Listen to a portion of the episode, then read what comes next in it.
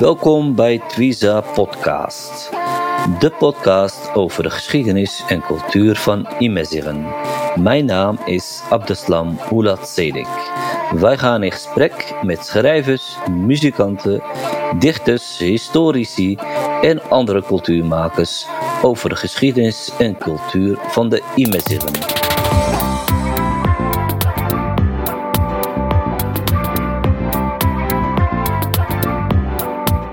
Goedenavond, uh, luisteraars, en welkom terug bij de Twiza Podcast, aflevering 2.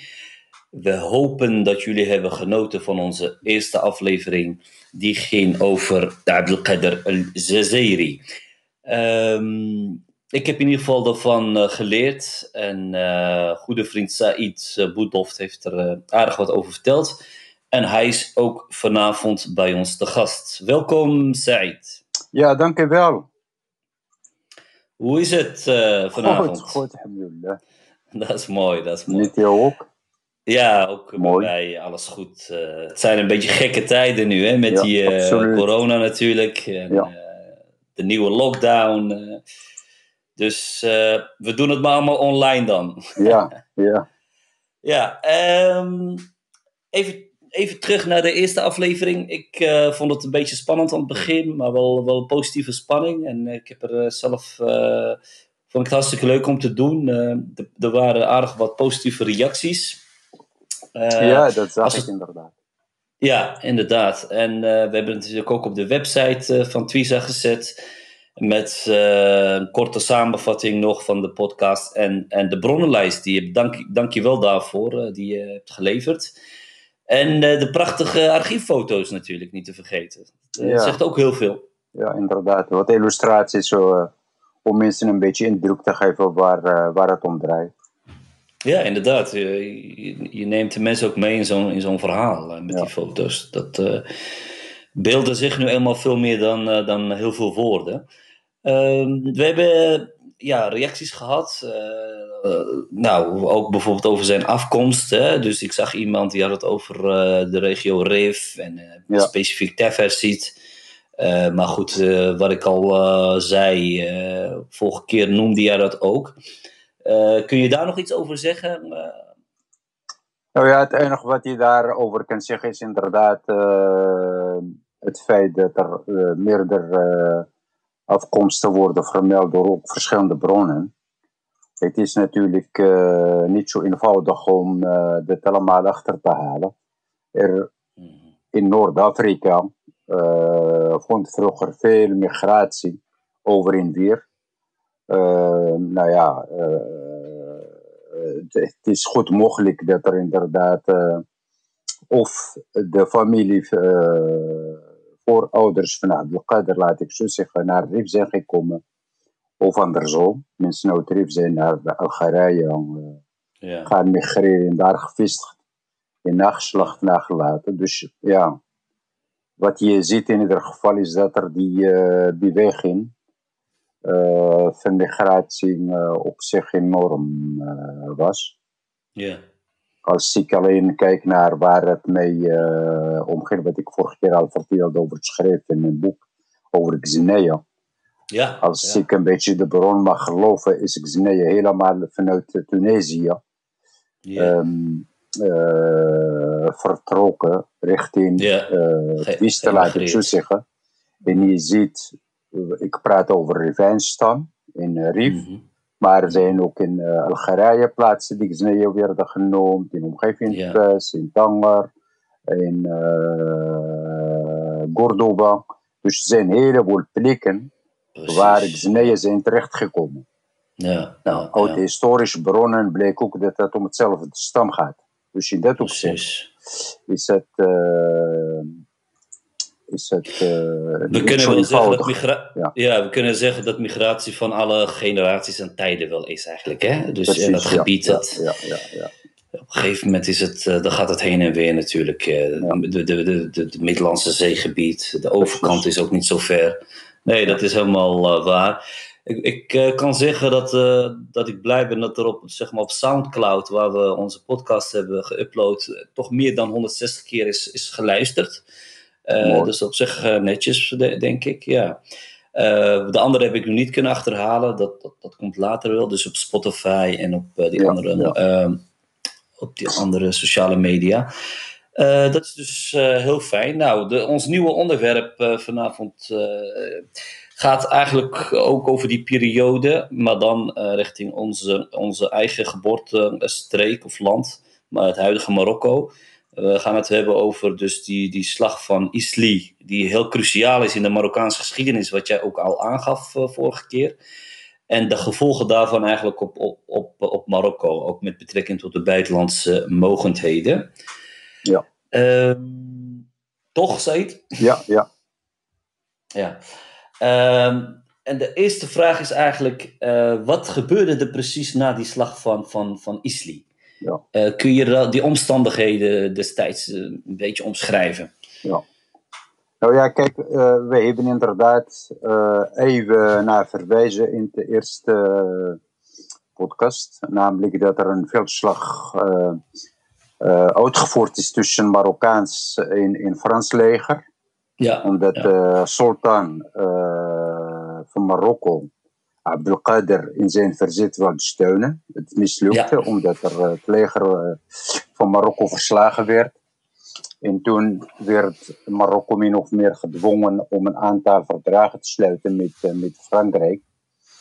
Eh, Mhm. Nou ja, wat eh, vorige keer hadden we het al erover, eh, want het ging om het verdrag van eh, Tanger.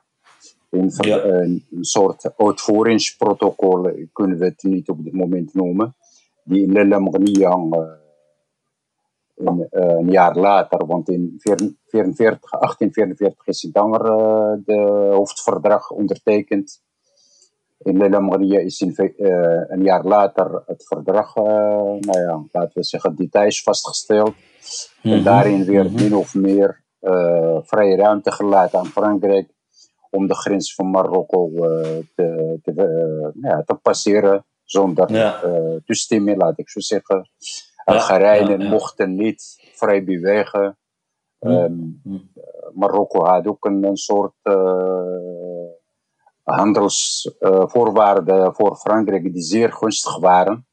Als het gaat Mhm. om, als het ging om, om laten we zeggen, heffing, eh grensheffingen, invoerrechten, invoerplichten. Mhm. Mhm. Daar eh, had Frankrijk eh, voor zichzelf zeer gunstig voorwaarden gecreëerd. Mhm. Dat had voor Marokko enorm gevolgen. Dus eigenlijk stond Marokko te- te- tegen de muur en, en is het vooral een eenzijdig eh, verdrag als ik het allemaal zo hoor. absoluut. Ja. Ja. Ja, Ja, Er waren ook eh, producten die Marokko niet exporteerde, eh, zoals wol, eh, graan. Dat Mhm. waren producten die men opsloeg voor eh, mogelijk droogte en zo. Ja, ja. eh, vlees, maar dat moest weer eh, opengebroken worden. Dus het monopolie van, van, van de magazijn van de overheid werd min of meer gebroken, laat ik zo zeggen. Ja, ja, Ja, en als wij gaan kijken wat een Marokkaanse historicus hierover zei, dat is Mhm. ene Mohammed eh, al-Manouni. Mhm. Die schreef op zich een aantal eh, verhalen over Marokko, over de geschiedenis van Marokko. En over Ja. Isli zei hij. Eh, ik ga een beetje proberen in het Nederlands te vertalen, maar dat gaat Ja, citaat in het Arabisch. Hij Ja. zegt van als wij de schade van de Algerijnse ramp, die het land getroffen heeft, willen samenvatten, dan vinden wij dat Marokko zijn zeemacht miste, het prestige van zijn legermacht kwijt is geraakt, Mhm. in zijn onafhankelijkheid werd bedreigd door zijn Europese buren. Hier verwijs hij naar Frankrijk, want dat is ineens een buur geworden, eh, omdat ze in, Frank in Algerije zaten. Precies, ja. En wat hij verder zegt is, wat, eh, in wat volgde op deze verontruste situatie, vraagt hij zich af, die heeft ertoe geleid dat Marokko zijn deuren wijd heeft geopend voor Europeanen. En zij, dus Europeanen, en zij begonnen onderling te concurreren over het vergaren van invloed in het land. Dus je ziet dat Ja, de- ja, deze historicus, niet alleen hij trouwens, maar eh dit is toevallig eh, een van die hierover schreef. En die zegt, Ja. ja. eigenlijk vanaf dit moment is, is een soort run ontstaan eh, als het gaat om invloed in Marokko vanuit Europese landen. Ja. En wat er daarna gebeurde, dat is wel uh, zeer, zeer uh, belangrijk te melden. Want de slag, uh, Isling veldslag, is gebeurd in 1844.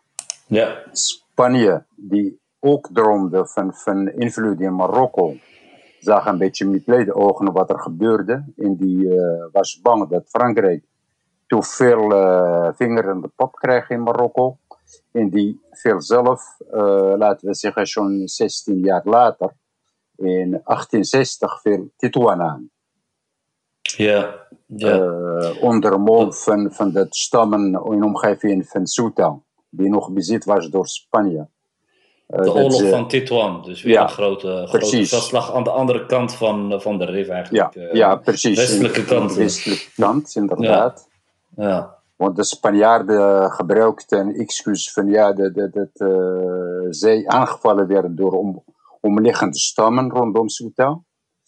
Ja, dus, dat speel, speelde dat trouwens ook in Melilla bijvoorbeeld, of niet, rond die periode? Nee, dat even, komt, even een zijpad. Dat, dat komt later als het ware. Ah. Okay. Ja, okay. ja, want eigenlijk wat er toen gebeurde is dat er inderdaad Marokko, uh, nou ja, ook geen weer uh, oorlog voeren tegen Spanje om uh, Tituan, laten we zeggen, Ja. te ontzetten, Ja. te bevrijden.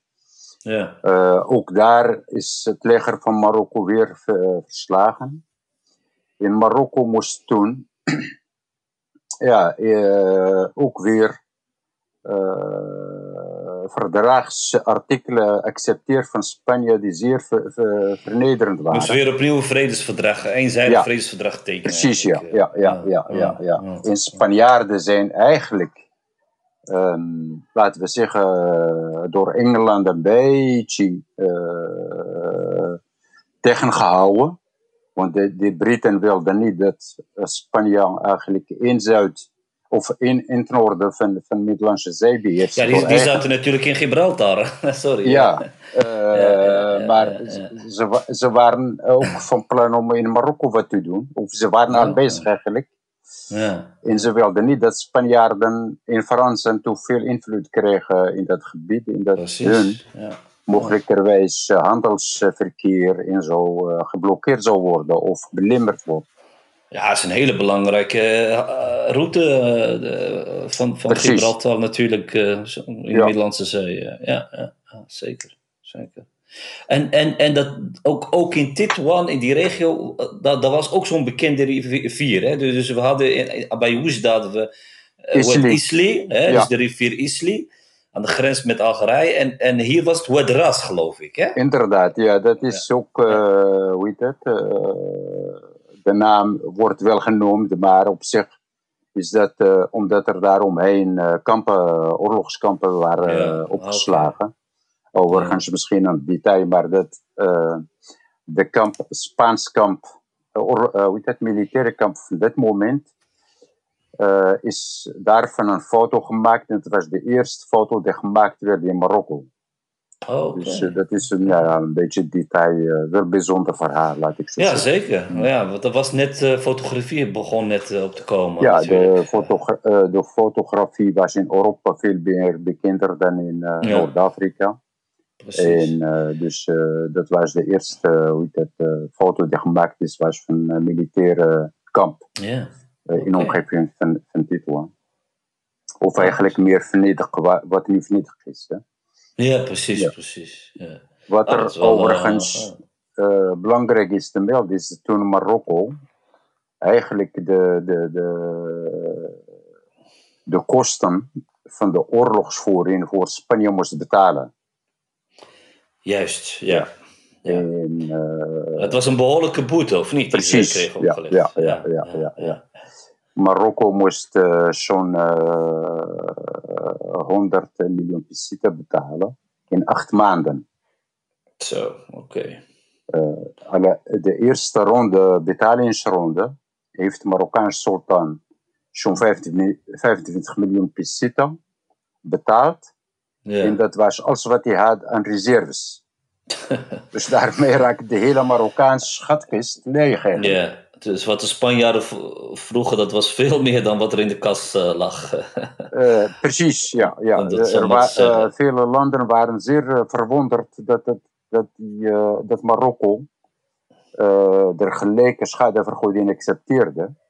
Ja. Zelfs de onderhandelaar van, van Sultan met Spanjaarden geloofde niet eens dat Span Spanjaarden Tituan wilde Tituan, vrijlaten, of in ieder geval terugtrekken uit Tituan, want ja. hij zag okay. dat bedrag zo hoog dat hij dacht van dat is alleen maar een Spaans trucje om te oh, blijven in Tituan. Ja, ja, ja, ja, ja, een soort propaganda. Uh, ja, dat schrijft hij uh, naar Sultan van ja, ik geloof niet dat uh, Spanjaarden uh, Tituan wilden verlaten. Ja, blijkbaar was dat een verpletterende nederlaag voor die, voor die sultan. en, en was dat een on, on, ontzettende overmacht van die Spanjaarden waardoor zij dat natuurlijk konden vragen. Hè? Het voelde zich oppermachtig. Nou ja, precies. Kijk, dit punt is, uh, was niet eens een grote overmacht van Spanjaarden, maar meer de zwakte van Marokkaans leger. Ja, ja, ja. Ja, want Wat, wat, er, um, wat er speelde is dat er voor, voor, voor uh, Isli werd het Marokkaans leger machtig beschouwd. Ja. vooral wat gebouwd werd in de tijd van Sultan Ismail. Ja, uh, ja, die hadden enorm legermacht opgezet, opgezet vanuit diverse een, militaire eenheden. Ja. Um, of militair soorten zelfs, kun je zeggen. Ja. Um, nou ja, daar, dat was voor Europese landen. Um, nou ja, een machtige zuidenbuur, laat ik zo zeggen. Ja, precies. Maar in precies. Isli liet dus de Marokkaans, het Marokkaans leger zien dat ze te zwak waren vanaf dat moment, dus, uh, nou ja, toen kwamen de Spanjaarden inderdaad, troffen nog uh, zwakkere leger.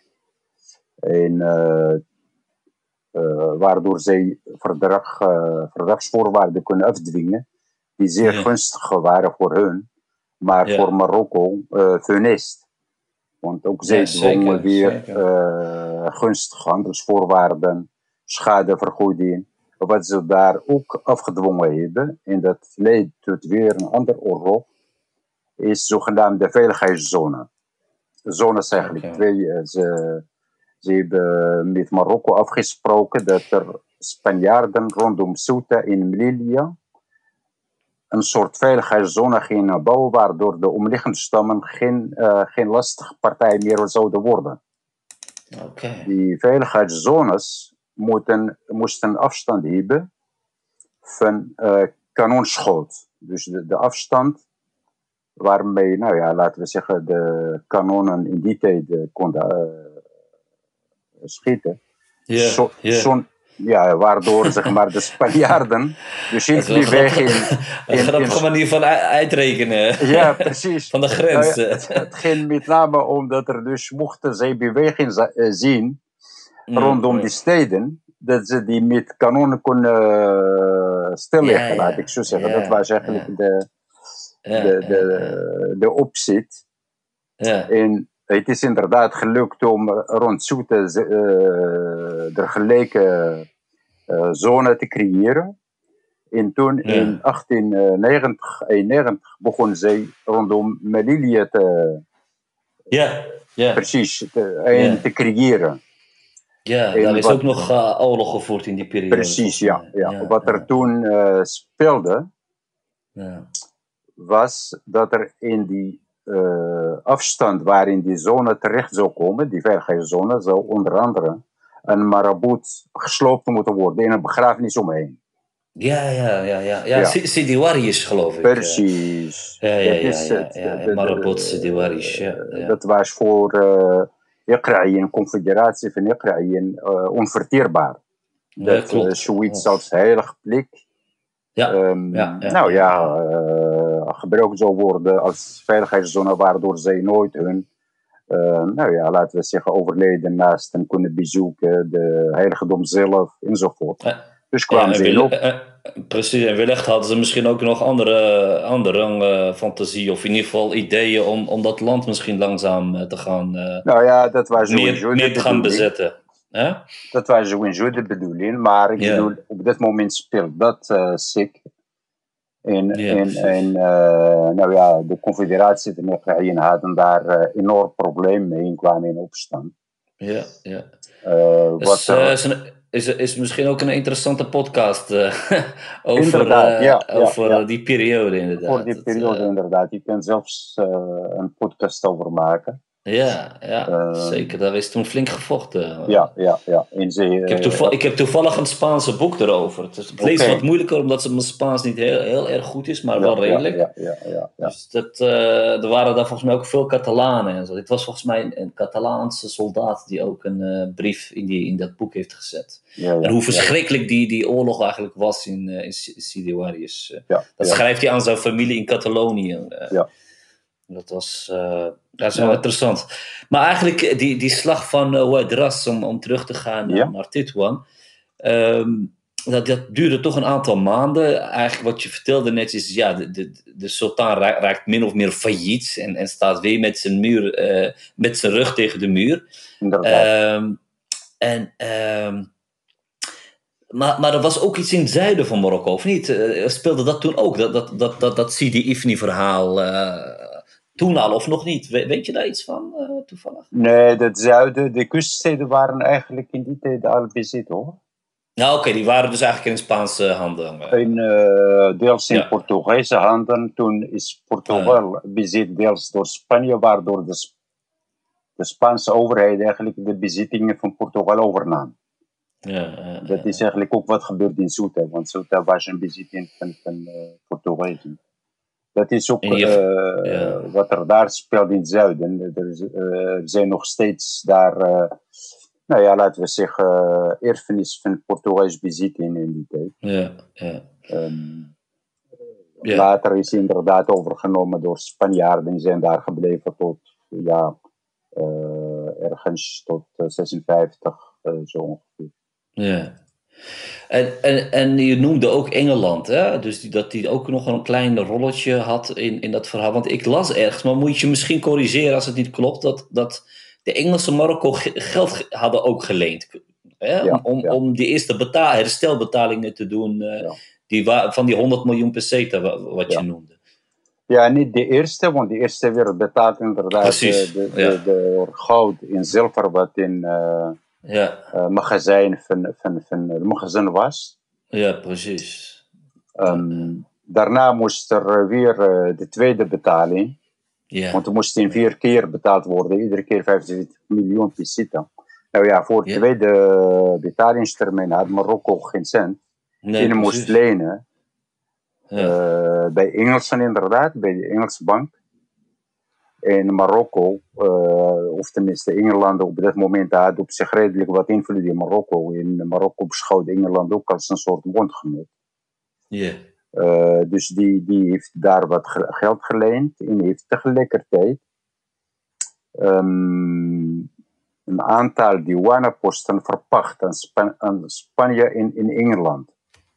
Okay. Waardoor zij als het ware, zeg maar, uh, nou ja, de Spanjaarden konden daarmee een deel van de schulden uh, kwijtschelden.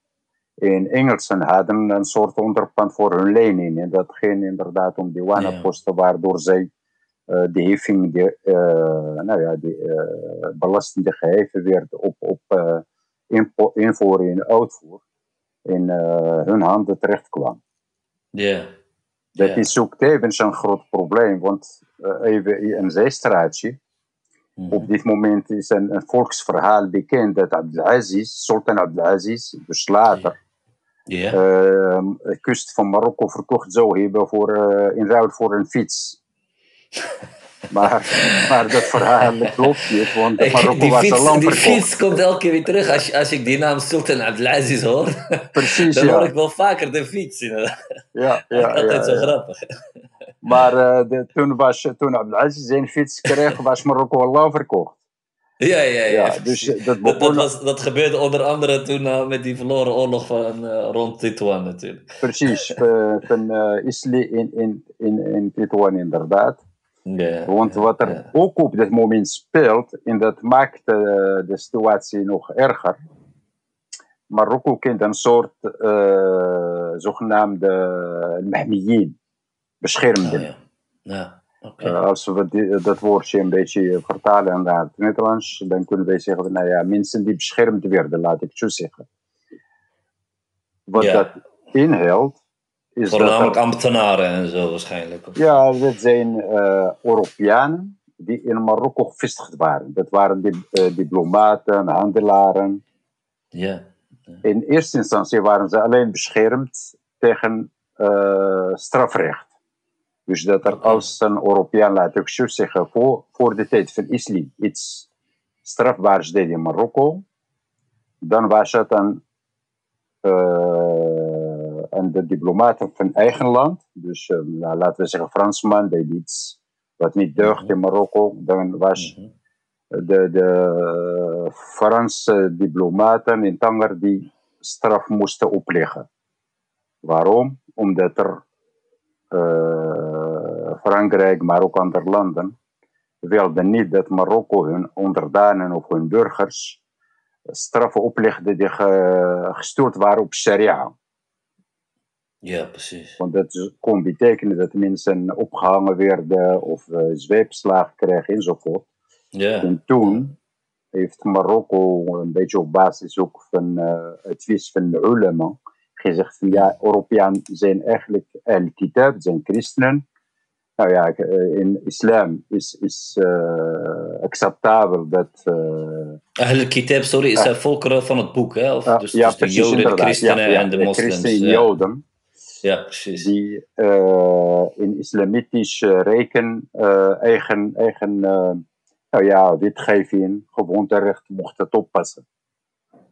Ja. Ehm, Ja. Nou ja, dat is hier eigenlijk er naartoe getrokken wordt, waardoor Europese landen hun eigen ingezeten in Marokko konden straffen. Ja. Maar na islam werd die bescherming uitgebreid. Fransen Mhm. hebben niet al, kregen niet alleen vrijstelling van strafrecht, maar ook belastingrecht.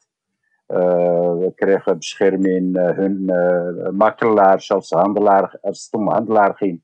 Dan kregen ook makelaars die Marokkanen waren. Ook hetzelfde vrijstelling. Mensen die, die Europeanen, voor Europeanen werkten, zoals schoonmakers, beveiligers, tolken, die kregen allemaal vergelijkbare, laat ik zo zeggen, bescherming. Waardoor Marokkaan eigenlijk in Marokko werden beschermd door buitenlands mogendheden. Mhm. Mhm. Deze beschermden hoefden geen Ja. belasting te betalen, werden buiten Ja, sultan soevereiniteit geplaatst als het ware. Maar onafhankelijk eigenlijk. eh? We waren vrij onafhankelijk. eh. Ja, die waren eigenlijk min of meer eh, vrijgesteld van alle Marokkaanse wetgeving. ja, ja, precies. Terwijl dus, dus wel konden de gewoon hun gang gaan. eh. Ja, eh, inderdaad. Ze gingen ook hun gang gaan. ja. En ehm, die, die, die, die, die eh, bescherming, Mhm. die, die beschermingsconstructie, werd uitgebreid. Waardoor ook mensen die in staat zijn om belasting te betalen, geen belasting hoefden te betalen. Waardoor de schatkist van, van het land steeds leeg bleef. Eh, laat ik zo zeggen. Precies, ja. Ja, ja, kwam en dus binnen. Ja. Ja, doordat de schatkist leeg bleef, moest de sultan in zijn magazijn steeds gaan lenen.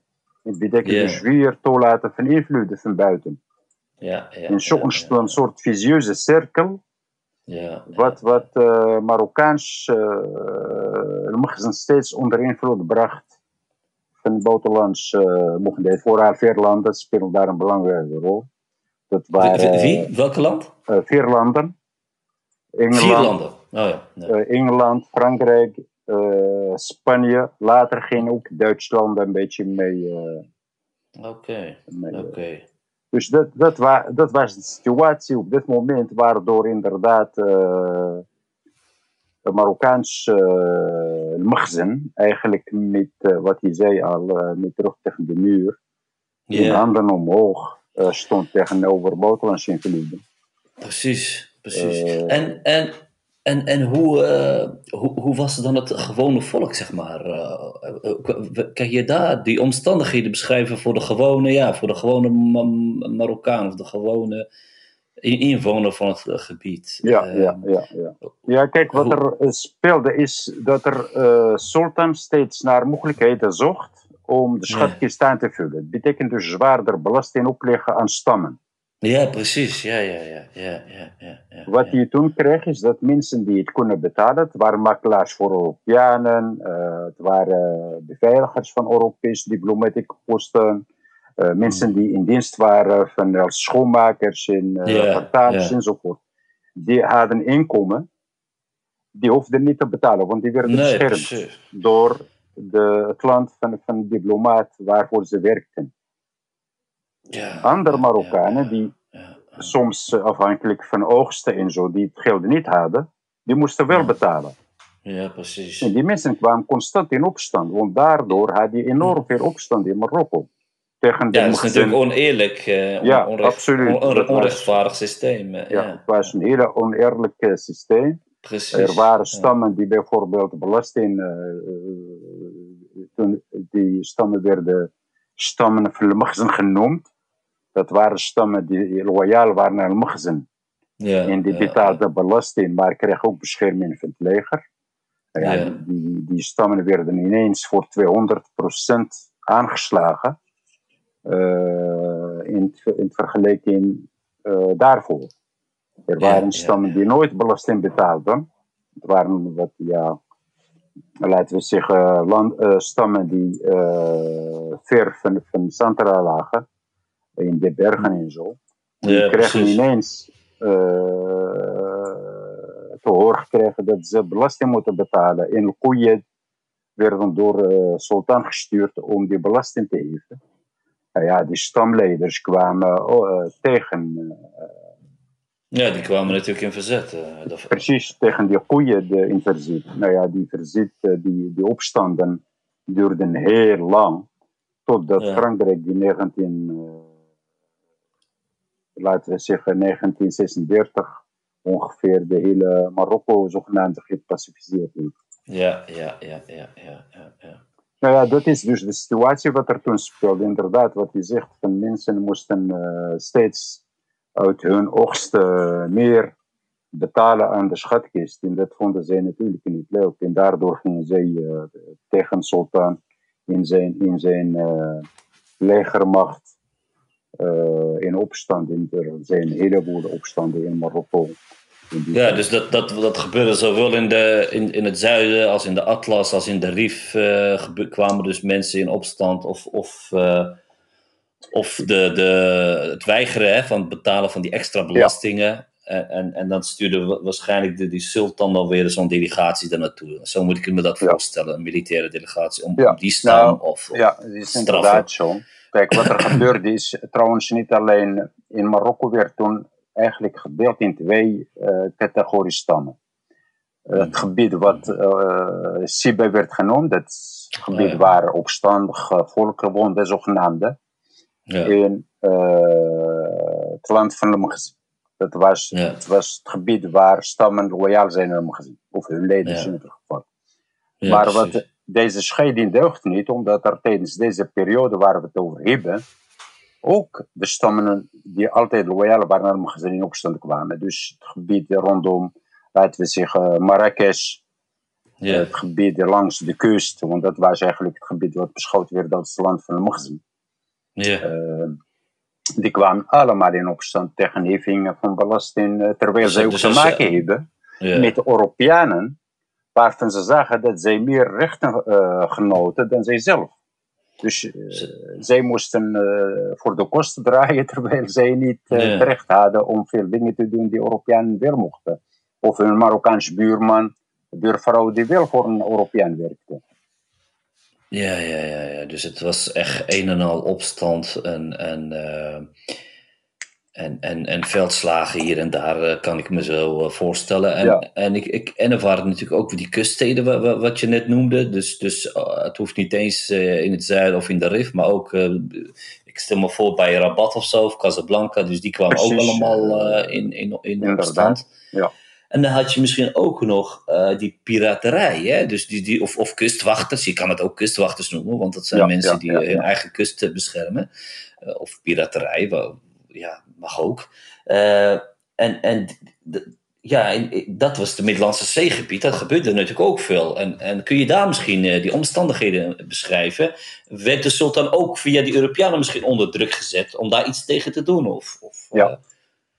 Dat is ook zo, inderdaad. En het geldt overigens niet alleen voor de Middellandse Zee, maar ook zeker de Atlantische kust. Yeah, eigenlijk yeah, yeah. de grootste piraterij, wat er toen piraterij werd genoemd, uh, ja. Het waren wat uh, in Marokko zelf werden gezien als mujahideen, laat ik zo zeggen. Ja, precies. Strijders. Ja, inderdaad. Die proberen Europese invloeden tegen uh, te houden. Ja, ja. en de grootste was, was in Celle, waar inderdaad, daar zou je gaan praten met... bij, bij Rabat, hè, in de buurt. Precies, ja. ja, ja. Een kleine stad in de omgeving van Rabat nou ja, het is klein, dus een ook wel een redelijk grote stad. Maar daar was een soort piraterijrepubliek gevestigd, die daar ook mocht uh, heel lang opereren, als ze ja. maar 10% van hun opbrengst uh, met sultan deelden. Ja, ja, dus er was een beetje ook een soort uh, pachtconstructie daarvoor bedacht. Maar inderdaad, wat hij zegt, er, er, zijn bekende gevallen van, van uh, wat er genoemd werd als piraterij van uh, Qa'ien. Confederatie van Qa'ien rondom Nador, laat ik zo zeggen. Ja, uh, ja. Maar ook in Qoyen, omgeving van Husima. Er zijn ook van Jbela. Dus er zijn een aantal plekken waar het in ieder geval voor, voor schipvaart van Europeanen niet zo veilig was omdat er uh, mensen van de kust, uh, nou ja... Uh, die, die schepen kaapten, gewoon precies, die ja, schepen. Ja, ja, ja, ja. ja. ja ik, ik, las 1864 dat die sultan een delegatie stuurde naar Bekoya, inderdaad, wat je net noemde, regio al-Husima. Ja. En een aantal jaren da daarna inderdaad naar Qal'iyya, bij de regio Nad. In 1871 ook nog eens een delegatie ja, ja. Toen ging het met name om Duitse scheepvaart, inderdaad. Oké. Okay, okay. ja, ja. Ja, ja, ja. Dat die, was uh, allemaal nog onder de Sultan Mohammed, hè? Die, uh... Nou ja, verschillend ook na hem trouwens. Want uh, het was niet alleen tijdens de Sultan Mohammed wat er toen. Mohammed IV, hè? Is dat ja, dan? Wat er inderdaad Mohammed IV genoemd wordt. Maar eigenlijk vanaf de periode dat Isli verloren werd de veldslag van Isli ging het ja, steeds... dus onder Abdurrahman eigenlijk zijn, uh, zijn ja, ja, ja. Nog, uh, Als uh, de Europeanen last hadden van, van mensen rondom de kust, ja. dan werd enorm druk uitgeoefend op, op Sultan, die dan een soort strafmissie ondernam tegen de stammen. Ja, ja. nou ja, we kennen een aantal voorbeelden inderdaad, Bekoya, maar ook Qal'iyya. Uh, ja, ook later, ja, ja. dus over die veiligheidszone waar ik het over had. Sidi Ouriesh of Sidi Ouriesh, ja. Sidi Spanjaarden. Ze noemen, het, ze noemen het ook wel de oorlog van Margallo. Die, dat Precies. was de generaal in Melilla destijds. Juist, dat was de bestuurder van Melilla. Precies, ja. Die probeerde een uitval te doen tegen uh, milities van, van uh, laten we zeggen, van confederatie van Iqraïen. Ja, ja, ja. Uh, nou ja, die is gedood. En dat was ja, eigenlijk, ja, ja, ja. ja, dat was ook weer voor de Spanjaarden een instrument om te dreigen Marokko in te vallen als de sultan niet ingrijpt. Uh, ingrijpt. Ja. Wat de uh, sultan ook gedaan heeft, inderdaad. En wat er toen gebeurde was, uh, nou ja, dat was een tijd van Hassan I. Ja, ja de opvolger van Mohammed IV, hè, is dat alweer? Ja, inderdaad, ja. ja. ja, ja, die heeft toen uh, zijn uh, broer eigenlijk, Eine Aravan, gestuurd als leider van delegatie, van een militaire strafmissie. Ja. die heeft toen leiders, Imraren zeggen wij eigenlijk, leiders ja. van de stammen, van de confederatie, ja, ja, of gevangen genomen in Gijzeldrecht in Ves gebracht, of uh, gestuurd naar Spanje om daar uh, gestraft te worden.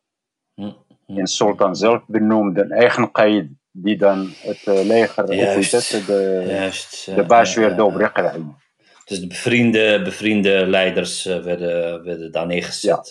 Ja, nee, dat was gewoon iemand van buiten helemaal. Oh, ja, precies, van, van buiten de, de, de stam. Dat is, ja, we gaan waarschijnlijk... oh, sorry.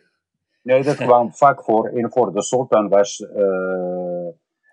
die omgeving voor een deel makkelijk, omdat er ook schipvaart werd gebruikt enzovoort. Maar ook, nou ja, als je naar Nador gaat vanuit Oesdan, is ja. makkelijker te bereiken. Ja, precies. Ja. Nee, klopt. Dat, het is iets van 120 of 130 kilometer uit mijn hoofd. Ja. Dus uh, is ongeveer anderhalf uur of uh, rijden. Dat, vaak naartoe geweest vanuit Ja, precies. maar dat is interessant. We hebben ook Abdelkader Benali op, op onze lijst. Precies, en, ja. Die gaat die meer gaat, ja. Ja. precies wat vertellen over die periode van Jan Janszoon. Dus dat, daar kijken we ook naar uit. Um, dan wou ik nog eventjes doorgaan naar uh, wat daarna dan gebeurde. Hè. Dus, dus Sultan Hassan I uh, komt dan aan de macht. Uh, dat is dan na de dood waarschijnlijk van die Mohammed IV. Ja. Um, en dan gebeurde er volgens mij iets opmerkelijks in, in het jaar 1880, als ik het goed heb. Hè? Uh, als ik 1880 zeg, dan weet je al genoeg, uh, Staet, of niet? uh, ja, kijk wat er, wat er was. Of wil je, daarvoor, wil je nog iets zeggen daarvoor, wat er misschien ja. gebeurde? Wat er, wat er speelde is inderdaad waar ik zo niet over had, over die beschermingsconstructie. Die, in, yeah. die, die nam enorm toevlucht. Er werden ja. hele grote groepen mensen zogenaamd beschermd. Ja, ja. Uh, wat er ook toen uh, gebeurde was dat er Europese uh, diplomaten gingen gewoon die beschermingsconstructie verkopen aan Marokkanen. Okay. En vooral elite van VES, die, nou ja, dat waren rijke mm -hmm. mensen die kochten die, die beschermingsconstructie. Ja, ja. In, het werd, gewoon, zelf... werd gewoon illegaal in, in, in gehandeld eigenlijk. Ja, dus ze, ze hoefden ja. niet zo nodig te werken voor een Europeaan om de beschermingsconstructie te krijgen, maar gingen ze gewoon zelf uh, kopen. Precies. Ja, het was ja, een handelsproduct geworden op zich. Ja, ja, ja. ja. Um, ja, dat betekende als je dat had, dan, dan uh, was je vrij bewaard van belastingen, et cetera. Dus. Van belasting, maar ook strafrecht. Dan had de Precies, overheid, de Marokkaanse ja. overheid, niks over jou te zeggen meer. Nee, nee, Mocht je wat nee. gedaan hebben, dan kon de Marokkaanse overheid hooguit een beroep doen op ja. uh, diplomaat van dat land waar de man uh, of de vrouw beschermd van, is. En die moet dus ja, iets gaan regelen, maar dat gebeurt nauwelijks. Precies, uh, precies. Dus mensen waren als het ware genoten enorm uh, voorrechten. Mm -hmm. uh, en hadden geen plichten meer ten opzichte van de Marokkaanse overheid. Nee, inderdaad. Er kwam zelfs zo dat er ineens Marokkanen genaturaliseerd werden. als eigenlijk door nationaliteit avant-garde zou ik zeggen. Want, ze, ineens, ze hadden toen ook al twee paspoorten. Precies, ineens hadden je Marokkanen die Fransen zeiden, uh, Britten, ja, ja, maar ja, zelfs Venezuelanen. Dus die, die, die dubbele nationaliteit speelt toen al. En wat Hassan, Hassan, Sultan Hassan I wil doen, was in gesprek of uh, in onderhandelen met een aantal uh, landen die te machtig werden in Marokko om hun invloed te beperken en vooral die uh, beschermingsconstructie in naturalisatie te, te ontmantelen. Hij wil gewoon Marokkaan, gewoon Marokkaan blijven, klaar, punt. Niet werden deze mensen de Ahl Basboor genoemd, klopt dat? Waar, waar, waar je het over hebt, die mensen die een tweede paspoort kregen? Ik las dat wel ergens, wat je net vertelde. Uh, dat ze zeg maar een soort koloniaal paspoort kregen van Frankrijk of Spanje of ja, zoiets. Ja. Dat kwam inderdaad iets later, die benaming, maar uh, dat, dat is ongeveer okay. wat, er, wat er was op dit moment. Okay. Dat mensen gewoon uh, ineens, want Marokko was geen nazistaat, die had geen paspoort überhaupt. Nee, nee. Het waren gelovigen, uh, onderdanen waren gelovigen, in de sultan was Emir al-Mu'minin. Ja, inderdaad. En als ja, bij wijze van spreken een moslim uit Egypte kwam en vestigde zich in Marokko, dan was hij ook een gelovige die onderdaan is geworden van Emir al-Mu'minin. Ja, ja, Ehm, Later eh, werd dus eh, de Marokkaanse nationaliteit ingevoerd. En dat was tijdens de, het congres van Madrid in 1880.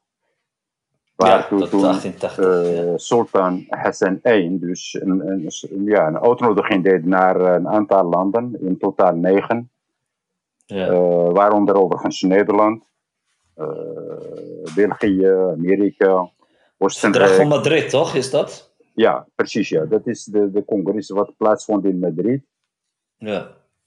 Maar wat er daar gebeurde was dat juist die landen nog meer invloed verkregen dan dat er die, die eh, wat Hassan wilde, dat er dus die eh, Hmm. beschermingsconstructie ontmanteld werd.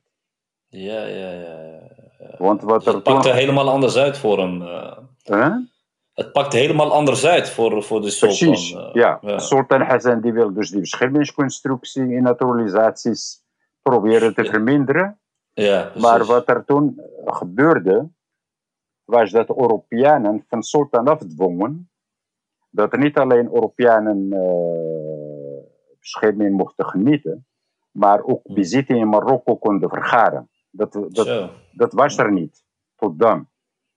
Juist, Eh, juist, nou ja, juist. de Europeanen konden wel eh, een huis huren om te wonen, maar Mhm. mochten het huis niet kopen. Wat er- Precies, ze mochten het niet bezitten. precies. Ja. Wat er ook niet mocht, was dat de Europeanen buiten zogenaamde machtsgebied mochten reizen. Dus als Oké. mensen kwamen, kwamen, Europeanen kwamen naar Tanger, vandaar Mhm. kon, konden zij naar Fes gaan of Marrakesh langs de kust, Mhm. verder niet. Maar Ja, daar, dus de, de, de al grote steden, de bekende steden al Ja, in, in, in die onder machtsen eh, invloed stonden. Precies, ja. ja. Eh, dat was het eigenlijk. Ja, wat ze daar in Madrid in 1880 eh, weer dus van de sultan afgedwongen is, dat de Europeanen overal in Marokko-gebied eh, mochten reizen. Juist. Eh, plus inderdaad wat, i- eh, wat ik niet zei, van ze mochten bezit in vergaren, dus het land, huizen enzovoort. En Mhm. hun bezittingen werden ook tevens beschermd.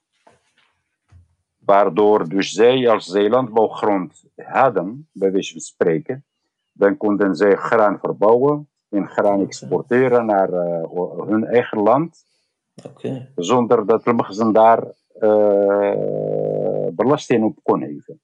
Dat Zo. was allemaal eh, beschermd. Wat Europeanen daar tegenover stelden in die tijd was dat mocht er ooit een Marokkaan, de, voor een Marokkaan die bescherming eh, te komen vervallen, hij altijd de Marokkaan zal blijven. En dat is eigenlijk de basis van waar wij nu te maken, eh, mee te maken hebben. Dat er, ja, de, de, de, in, de, grondwet van Marokko, een Marokkaan altijd Marokkaan is. Dus die nationaliteit, dat je daar niet zo snel eh, afstand van mag nemen, is toen eigenlijk de basis gelegd. Tijdens eh, Sultan Hassan is het eigenlijk is het vastgelegd dat je altijd onderdaan blijft van de sultan. Of, altijd Marokkaan Ja, blijft. ja, dat was inderdaad een toegift van Europeanen. Want Ja, stel voor, ja. was een Marokkaan bij wijze van spreken, die reis naar Engeland, is daar Ja. gebleven, was een Engelsman geworden inmiddels, of onder bescherming Ja. van Engeland. Ja. En als die terugkwamen naar eh, Marokko, of als zijn bescherming kwam te vervallen, dan werd die altijd nog als Marokkaan gezien. Ja, ja, ja. ja, ja, Eh, ja. verder beloofden Dus, dus de- eerste migranten, eh, de eh, die destijds die vertrokken naar Engeland of wat, die, eh, die, die konden altijd weer terugkomen naar, naar, naar Marokko. die moesten dan terug, mocht er hun, eh, ja, hun bescherming te komen vervallen of wat dan. Ja, ja oké. Interessant. Dus dat, de, wat er ook toen min of meer aan Marokko toegegeven werd, was namelijk dat diplomaten, onderhandelende diplomaten in Madrid, eh, zeiden van dat zij hun vertegenwoordigers in Marokko zouden adviseren om niet te snel die beschermingsconstructie te geven. Dus dat men daar voorzichtig mee zou zijn. Maar dat was een zeer vrijblijvende afspraak, Ja, ja, waardoor die handel in die beschermingsconstructie gewoon doorging. en dus- daardoor bleef Marokko als het ware onder invloed van, van landen als Engeland met name, maar ook Frankrijk, Spanje en toen kwam ook Duitsland, want die zag ook laten we zeggen, kansen om, om koloniale agenda voor zichzelf ja, te maken, wat er niet was. Ja, um, nou ja, in die België uh, wilde ook wat regelen met Marokko. Die hadden een hele project om trein van Tanger tot Vest aan te leggen. Ja, uh, die stuurden ook wat wapens enzovoort. Of een demonstratie van, van, van de wapentuigen die in België werden gemaakt, werden in Marokko gedaan. Ja. nou ja, dus zo ging inderdaad Marokko steeds in een soort vuik van kolonialisme uh, ja, precies. Er wordt steeds meer geaast op, uh, op, precies, op Marokko via verschillende, verschillende landen. Ja. Oké, ja, dat is, uh, ja, dat is pijnlijk voor, voor, voor Marokko natuurlijk. Na het verliezen van twee grote oorlogen. wat we al zeiden in, in Isli en Wadras. ja, inderdaad. Ja, ik denk dat het dat we echt goed, uh, goed, uh, goed bijgepraat zijn over die, deze periode. Um, ik hoop het. Ja, ja, inderdaad. Want daarna, we kunnen de volgende keer uh, gaan praten natuurlijk over, over het vervolg van, van wat gebeurde daarna na Madrid. Ja, eventueel. En, ja, precies. Dus het begin van de, van de 20e eeuw. Hè? Dus zeggen de eind, eind 19e eeuw, dus eind 1800 naar begin 1900. En dan kunnen we daar weer verder over gaan praten. Nou, ik ben benieuwd naar foto's, dus je zal, je zal ongetwijfeld weer wat mooie archieffoto's hebben ook, denk ik. Dat ga ik zeker doen. die gaan we ook verwerken. Ehm, ja, wil je nog iets toevoegen? Of, of ben ik nog iets vergeten te vragen misschien? geen idee. Nou ja, ik hoop dat het weer het verhaal een beetje uh, helder overkomt bij luisteraars. Uh, ja. ja. ik ga inderdaad, zoals vorige keer ook het geval was, na het verzoek van mensen, een aantal bronnen aangeven waar het verhaal, dit verhaal in ieder geval voorkomt. Ja, en wat archieffoto's, illustraties, om een beetje indruk te krijgen van wat er toen gaande was. En ja, mochten er vragen zijn uh, of opmerkingen zijn, van harte welkom. Hoe meer uh, opmerkingen, uh, of niet altijd positief overigens, hoe meer we van kunnen leren. Ja, nee, zeker. ik bedoel, misschien hebben we iets verkeerds qua jaartal of zo. Of we willen graag ook opbouwende kritieken natuurlijk. Ja, en, en, en aanvullingen of, uh, of gewoon complimenten, dat is natuurlijk ook prima. Maar je hebt gelijk, het is een wisselwerking. Uh, we leren van elkaar en, en, uh, en we zullen, wat je zegt, de bronnen gaan, gaan noteren en misschien ook wat jaartallen weer noemen. Ja. Eh, die, uh, die gaan uh, over ja, wat de gevolgen eigenlijk waren voor Marokko na die slag van Isli, zo heet deze podcast. Ja. Ik heb de, ja, ik denk dat je er goed over hebt gesproken. veel informatie. Dat laten we allemaal inzinken. ja, ik wil je bedanken, Said, weer voor je tijd. Dat je toch weer beschikbaar bent voor, voor je heldere uitleg. En ja, tot een volgende podcast zou ik zeggen. Jij ook bedankt. En uh, inderdaad, succes. Ja, dankjewel. We gaan dit allemaal uh, mooi uh, monteren met behulp van Mustafa. En hopelijk komt het weer binnen een aantal dagen online. Deel deze podcast ook graag, zodat hij bij nog meer mensen komt. En jullie kunnen ook altijd onze nieuwsbrief natuurlijk daarvoor aanmelden. Als we dan binnenkort weer de nieuwsbrief sturen, dan, ja, dan kun je allemaal lezen wat we in het nieuwe jaar ook gaan doen. Uh, hartstikke mooi en ik wens iedereen een fijne avond. Tot een volgende keer. We zijn aan het einde gekomen van onze eerste aflevering. Dank voor het luisteren. We gaan nu lachen met z'n allen Comedy uit Spanje. Zijn naam is Tovik en hij vertelt ons Rivijnse grapjes. We gaan deze grapjes uiteraard vertalen en zetten op onze website. Je kunt ze vinden onder het kopje blog. Nogmaals dank voor het luisteren en heel veel plezier met Tovik. إن شيشتني الدود من غير قواتك وشاير زي في الداع أمي غاية شاير زي في الداع أساسا أنت المخزن اتبع أتبع كي أش غيجري ظلام قرر من غي قوايتك من غي قوايتك اتكسى الشعر ميدا اتكسى الشعر ميدا اتكسى الشعر ميدا أمي غاس ديوز المخزن يندار يندار غيغزا الناس المخزن قاضي شعب يزيد؟ اي الناس لا شو شعب يزيد؟ شو شعب يزيد ميغاش اي الناس قاسم نايم العيار وضد حد عمه